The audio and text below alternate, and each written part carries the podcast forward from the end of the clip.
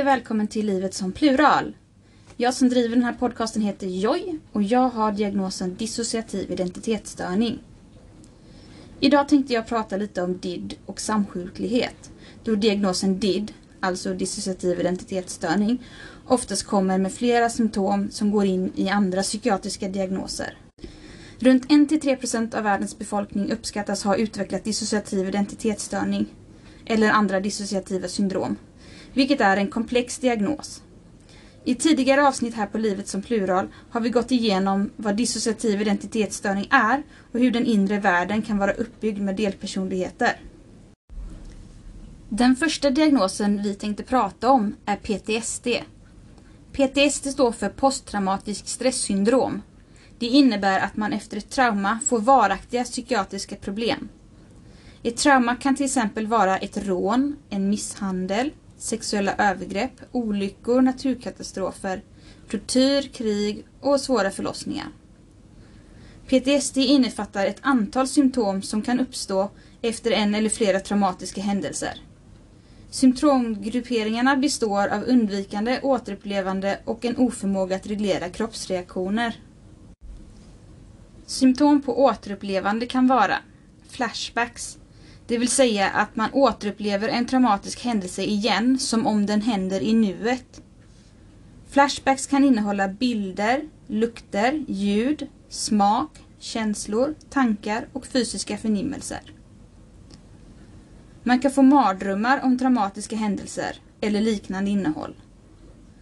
Hallucinationer, inbildningar och felaktiga föreställningar som relaterar till de traumatiska händelserna. Återkommande ångest och panikattacker med hjärtklappning, svettningar, skakningar och snabb andning. Att känna sig paralyserad av skräck eller vilja fly. Dessa reaktioner uppstår ofta i situationer som påminner om tidigare traumatiska händelser. Undvikande symptom. Stora ansträngningar för att undvika alla tankar, känslor eller situationer som kan trigga traumatiska minnen. Man kan till exempel jobba överdrivet mycket, vara upptagen, städa mycket eller använda alkohol. Amnesi, det vill säga oförmågan att minnas vissa eller alla betydande aspekter av en traumatisk händelse. Känslomässig stumhet, oförmåga att njuta av livet eller känna kärlek. Att känna det som om man går på autopilot. Att isolera sig och undvika andra människor. Oviljan att tala om den traumatiska händelsen. Symptom på förhöjd anspänning, hyperarousal, är bestående fysiska symptom på anspänning, till exempel att man är uppe i varv, rastlös eller känner sig vaksam. Lättskrämdhet och hyperkänslighet för vad som händer runt omkring sig. Lättstötthet och vredesutbrott. Känslomässiga utbrott. Allvarliga svårigheter att somna eller att man vaknar många gånger under natten koncentrations och uppmärksamhetsproblem. Symptom på sänkt anspänning, hypoarousal, är känslomässig stumhet, kroppslig stumhet och oförmåga att känna smärta, att känna sig tom och frånvarande, oförmögen att tänka och tala, oförmåga att röra sig eller svara, extrem dåsighet. Symptomen uppstår oftast inom sex månader efter traumat, men det kan ta längre tid, upp till årtionden. Symptomen kan vara kraftiga och överväldigande när de dyker upp. Det finns en ny PTSD-diagnos, komplex PTSD. Komplex PTSD är en svårare form av PTSD. Personer med flera trauman kan bli mer känsliga mot psykiska påfrestningar. Någon som har varit med om upprepade trauman och som verkar fungera i vardagen kan plötsligt må mycket dåligt vid vanliga motgångar. Förutom upprepade trauman i vuxen ålder så ger ofta upprepade trauman i barndomen komplex PTSD. Det är många likheter mellan komplex PTSD och DID.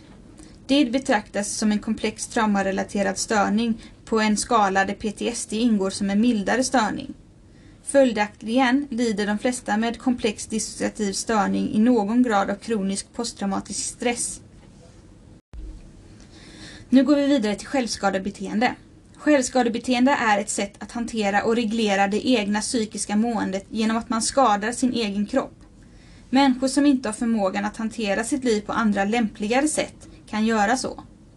Många traumatiserade människor använder självskadande som ett sätt att hantera överväldigande inre upplevelser.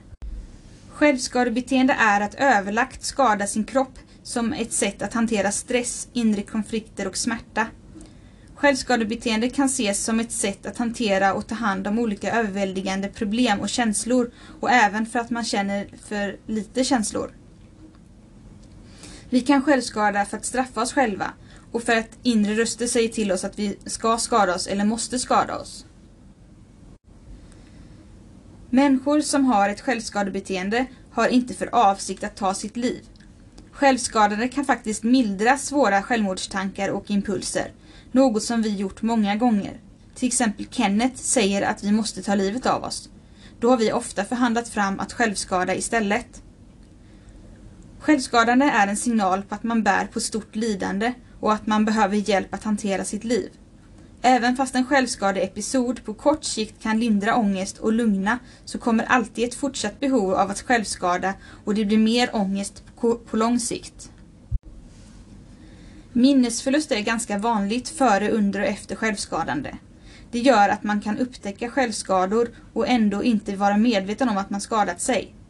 Vi kan ofta iaktta oss själva som på distans, snett uppifrån och upplever då att vi inte är i kontroll, att vi inte kan styra vad vi gör. Det finns oerhört många sätt för en person att skada sig själv. Allt ifrån en svag obehagskänsla till smärta utan att man får bestående fysiska men, till svåra skador som kräver akut sjukhusvård. Vissa känner smärta när de skadar sig medan andra, som vi, inte känner någonting alls, för vi är avstängda. Självskadande beteenden uppstår oftast i ett inre kretslopp av intensiva konflikter som vidmakthåller känslor som inte går att reglera. Vi började självskada när vi var barn i skolåldern. Det började med så kallat harmlösa skador, såsom att vi bet oss själva och försökte vrida sönder handleden. Vi var också oerhört utmanande, klättrade högt och hoppade mycket i förhoppning att skada oss på något sätt. Vi ville ha kryckor, så att alla kunde se att vi hade ont. När det eskalerade kunde vi ta knivar och rakblad och rispa oss där ingen kunde se. En gång klättrade vi avsiktligen upp i ett ruttet belutt träd. Det hade regnat i flera dagar. Trädet hängde ut över ett stup. Vi hoppade på grenen längst ut så att den brast. Vi föll drygt tre meter och fick en kraftig lårkaka.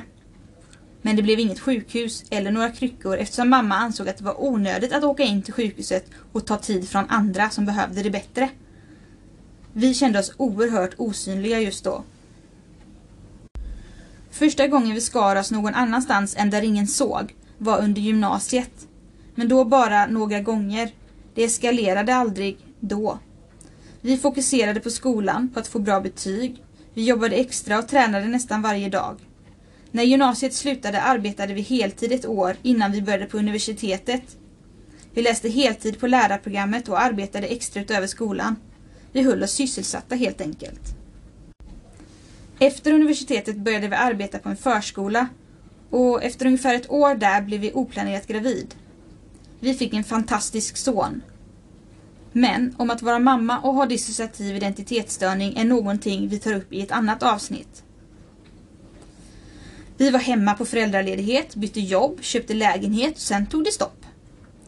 Vi föll långt ner i avgrunden och våra dissociativa symptom blev svårare. Vi började självskada igen, men på ett helt annat plan. Vi skadade oss svårt och behövde ofta sjukhusvård. Vi har dock aldrig upplevt att vi skadat oss för att få uppmärksamhet. Vi skadar oss för att straffa oss själva och för att inre delar kräver det. Nu blir det personligt, men faktum är att vi vill blanda våra faktakunskaper och våra erfarenheter så att andra kan lära sig eller känna igen sig. Vi vill också påpeka att vi absolut inte är allvetare och att vi också kan ha fel. Det är alltid viktigt att komma ihåg att forskningen går framåt. Om det är någonting du inte förstår eller någonting du tycker är fel så är du välkommen att kontakta oss på livetsompluralgmail.com så kan vi förklara bättre eller göra rättelser i nästa avsnitt.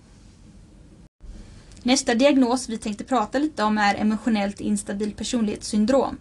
Det förkortas EIPS eller APES. Förut hette APES borderline, Podcasten Normalt galen har två jättebra avsnitt om apes. Är du mer intresserad av diagnosen så rekommenderar vi varmt att du lyssnar på dem. Typiskt för apes är instabilitet i känslotillståndet och jagbilden samt ett impulsivt beteende. Relationer är ofta stormiga, intensiva och instabila och pendlar mellan glorifiering och likgiltighet. Karaktäristiskt är rädsla för att bli avvisad, en benägenhet att lätt bli irriterad, svårigheter att kontrollera sin ilska samt att man kan vara självdestruktiv och göra självmordsförsök. Exempel på typiska drag. Personens uppfattning om sig själv varierar från misslyckad och obetydlig till att känna sig förträfflig och att man klarar sig bra. Svårigheter att agera långsiktigt. Livsplaner kan ändras snabbt och personen i fråga får svårt att hålla sånt som man har kommit överens om. Svårigheter att reglera känslor, särskilt negativa känslor kan vara svåra att kontrollera och kan leda till bottenlös nedstämdhet och okontrollerbara raseriutbrott. Humöret växlar snabbt. En återkommande eller ständig känsla av inre tomhet. Impulsivitet.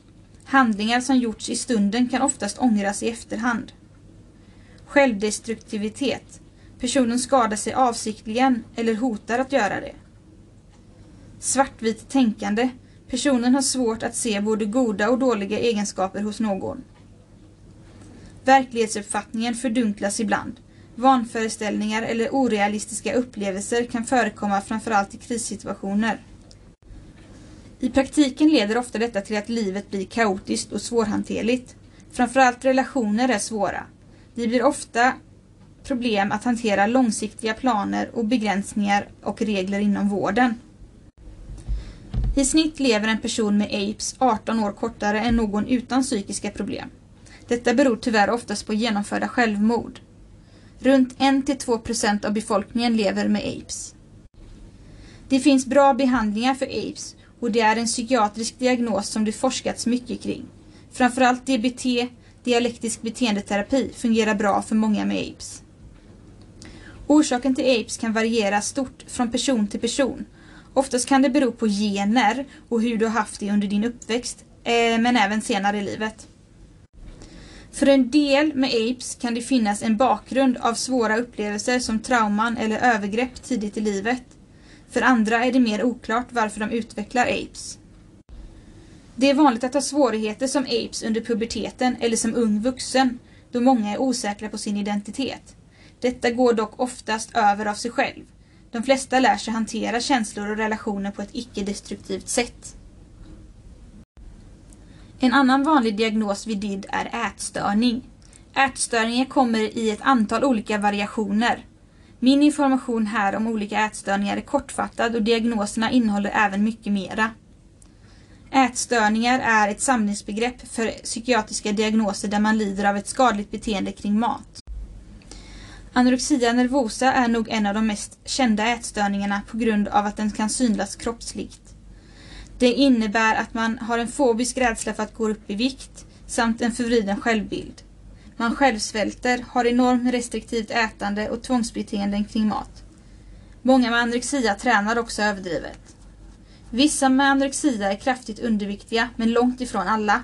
Så döm inte personen på utseendet. Man kan ha mycket svåra problem med anorexia utan att vara eller hunnit bli kraftigt underviktig. Bulimia nervosa är ungefär tvärt emot anorexia. Man tränar överdrivet mycket och äter jättemycket för att sedan kräkas upp maten igen. Man kan även använda exempel laxermedel för att tumma kroppen. Även anorektiker kan kräkas när de fått i sig lite mat. Skillnaden här är att man hetsäter för att sedan rensa kroppen. Hetsätningssyndrom är en annan ätstörningsdiagnos. Det innebär att man ofta äter stora mängder mat utan att kunna kontrollera det. Hetsätning leder ofta till övervikt och fetma och är inte samma sak som bulimi. Ätstörning UNS, utan närmare specifikation, innebär att man lider av en ätstörning men inte fullt ut uppfyller kriterierna för nämnda ätstörningar. En ätstörning kan utvecklas när som helst under livet, från barn till vuxen, men utvecklas oftast under tonåren. Det innebär ofta en fara för kropp och hälsa. Ätstörning är vanligt hos patienter som upplevt sexuellt trauma. Ätstörningar kan vara mycket farliga eftersom de påtagligt påverkar patientens fysiska hälsa, särskilt vid anorexia och bulimi, där kroppen knappt får i sig någon essentiell näring alls. I värsta fall kan dödsfall inträffa som följd av ätstörningar, även om patientens kroppsvikt inte är uttalat låg. Lidandet hos de drabbade är stort och sjukdomen är ofta starkt förknippad med skam. Även en normalviktig person kan lida av en ätstörning. Även fast media då oftast fokuserar på de lägsta siffrorna och måtten. Ju snabbare man skaffar hjälp desto mindre grepp har sjukdomen hunnit få. Ätstörningar leder till flera andra störningar. Dels eftersom födan är central för hälsan, dels för att kroppen försöker anpassa sig till näringsstatusen. Ätstörningar kan därför märkas i funktionen på hormonkörtlar som sköldkörteln, på mag och tarmkanalen, på nivåerna av tillväxthormon, på reproduktiva systemen, bentätheten, kortisolnivån och aptitreglering. Testosteronnivåerna sjunker av anorexia men inte bulimi.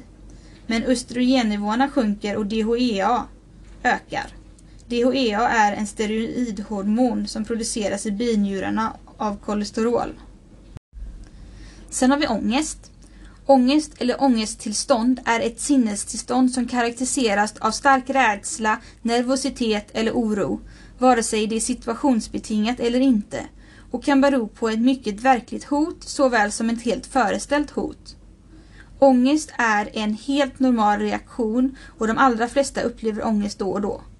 Ångest är inte farligt även om det kan vara mycket obehagligt. Inom psykiatrin kategoriseras olika sorters ångest och ångeststörningar. En ångeststörning blir det när ångesten tar över och stör vardagen. Ångesten kan bli mycket störande för individen, verka handikappande på den och drabba en i vardagen för att kroppens alarmreaktioner, flykt och kamprespons och stressaxel är överaktiva. När ångesten istället för att hjälpa en att hantera problem i sig blir problematisk kan det klassas som en sjukdom. Gränsen mellan frisk och sjuk är dock mycket flytande. Många med dissociativa störningar lider också av svår ångest. Ångest manifesterar sig ofta genom ett påslag i perifera nervsystemet som ger svettningar, muskelspänningar, rastlöshet, darrningar med mera. Det förekommer ofta symptom från magen och andningssystemet, till exempel svårigheter att andas, kvävningskänslor, sväljningssvårigheter, orolig mage, bröstsmärtor och illamående. På det mentala planet uppträder ångesten som yrsel och svimningar, koncentrationssvårigheter eller att man blir tom i huvudet och utmattning. Derealisation, alltså overklighetskänslor, eh, livet känns som en film. Och depersonalisation, att inte känna igen sig själv och tycka att man själv är overklig. Rädslan för att bli galen, förlora kontrollen eller att dö.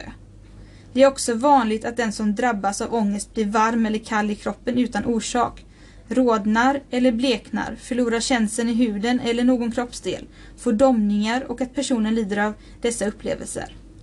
Det är vanligt att ångesten ger sömnproblem, antingen avbruten sömn eller svårigheter att somna in. Vi har ofta stark ångest och oro där hela kroppen reagerar. Det kan vara för så att säga ingenting, eller så är det stressutlöst, eller så kan det vara en flashback eller en dröm som utlöser det. Härom natten drömde vi en mardröm vilket resulterade i att vi slängde oss ur sängen och vred till vårt onda knä. Sen hade vi en ångestattack som hette duga och det tog flera timmar innan vi kunde somna om. Ångesten kan vara oerhört frustrerande och uttröttande vi blir oftast helt utmattade när vi haft stark ångest. Så har vi kommit till depression. Depression innebär att man under en längre period känner sig ledsen och nedstämd, trött och att man tappat lusten till sådant som man normalt tycker är roligt. Att känna sig nedstämd ibland är helt normalt och går oftast över av sig själv. Men om det inte vänder efter två, tre veckor så kan det handla om depression.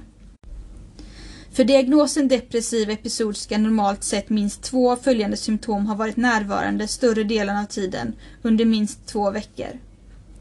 Sänkt grundstämning, alltså för individen onormalt nedstämd.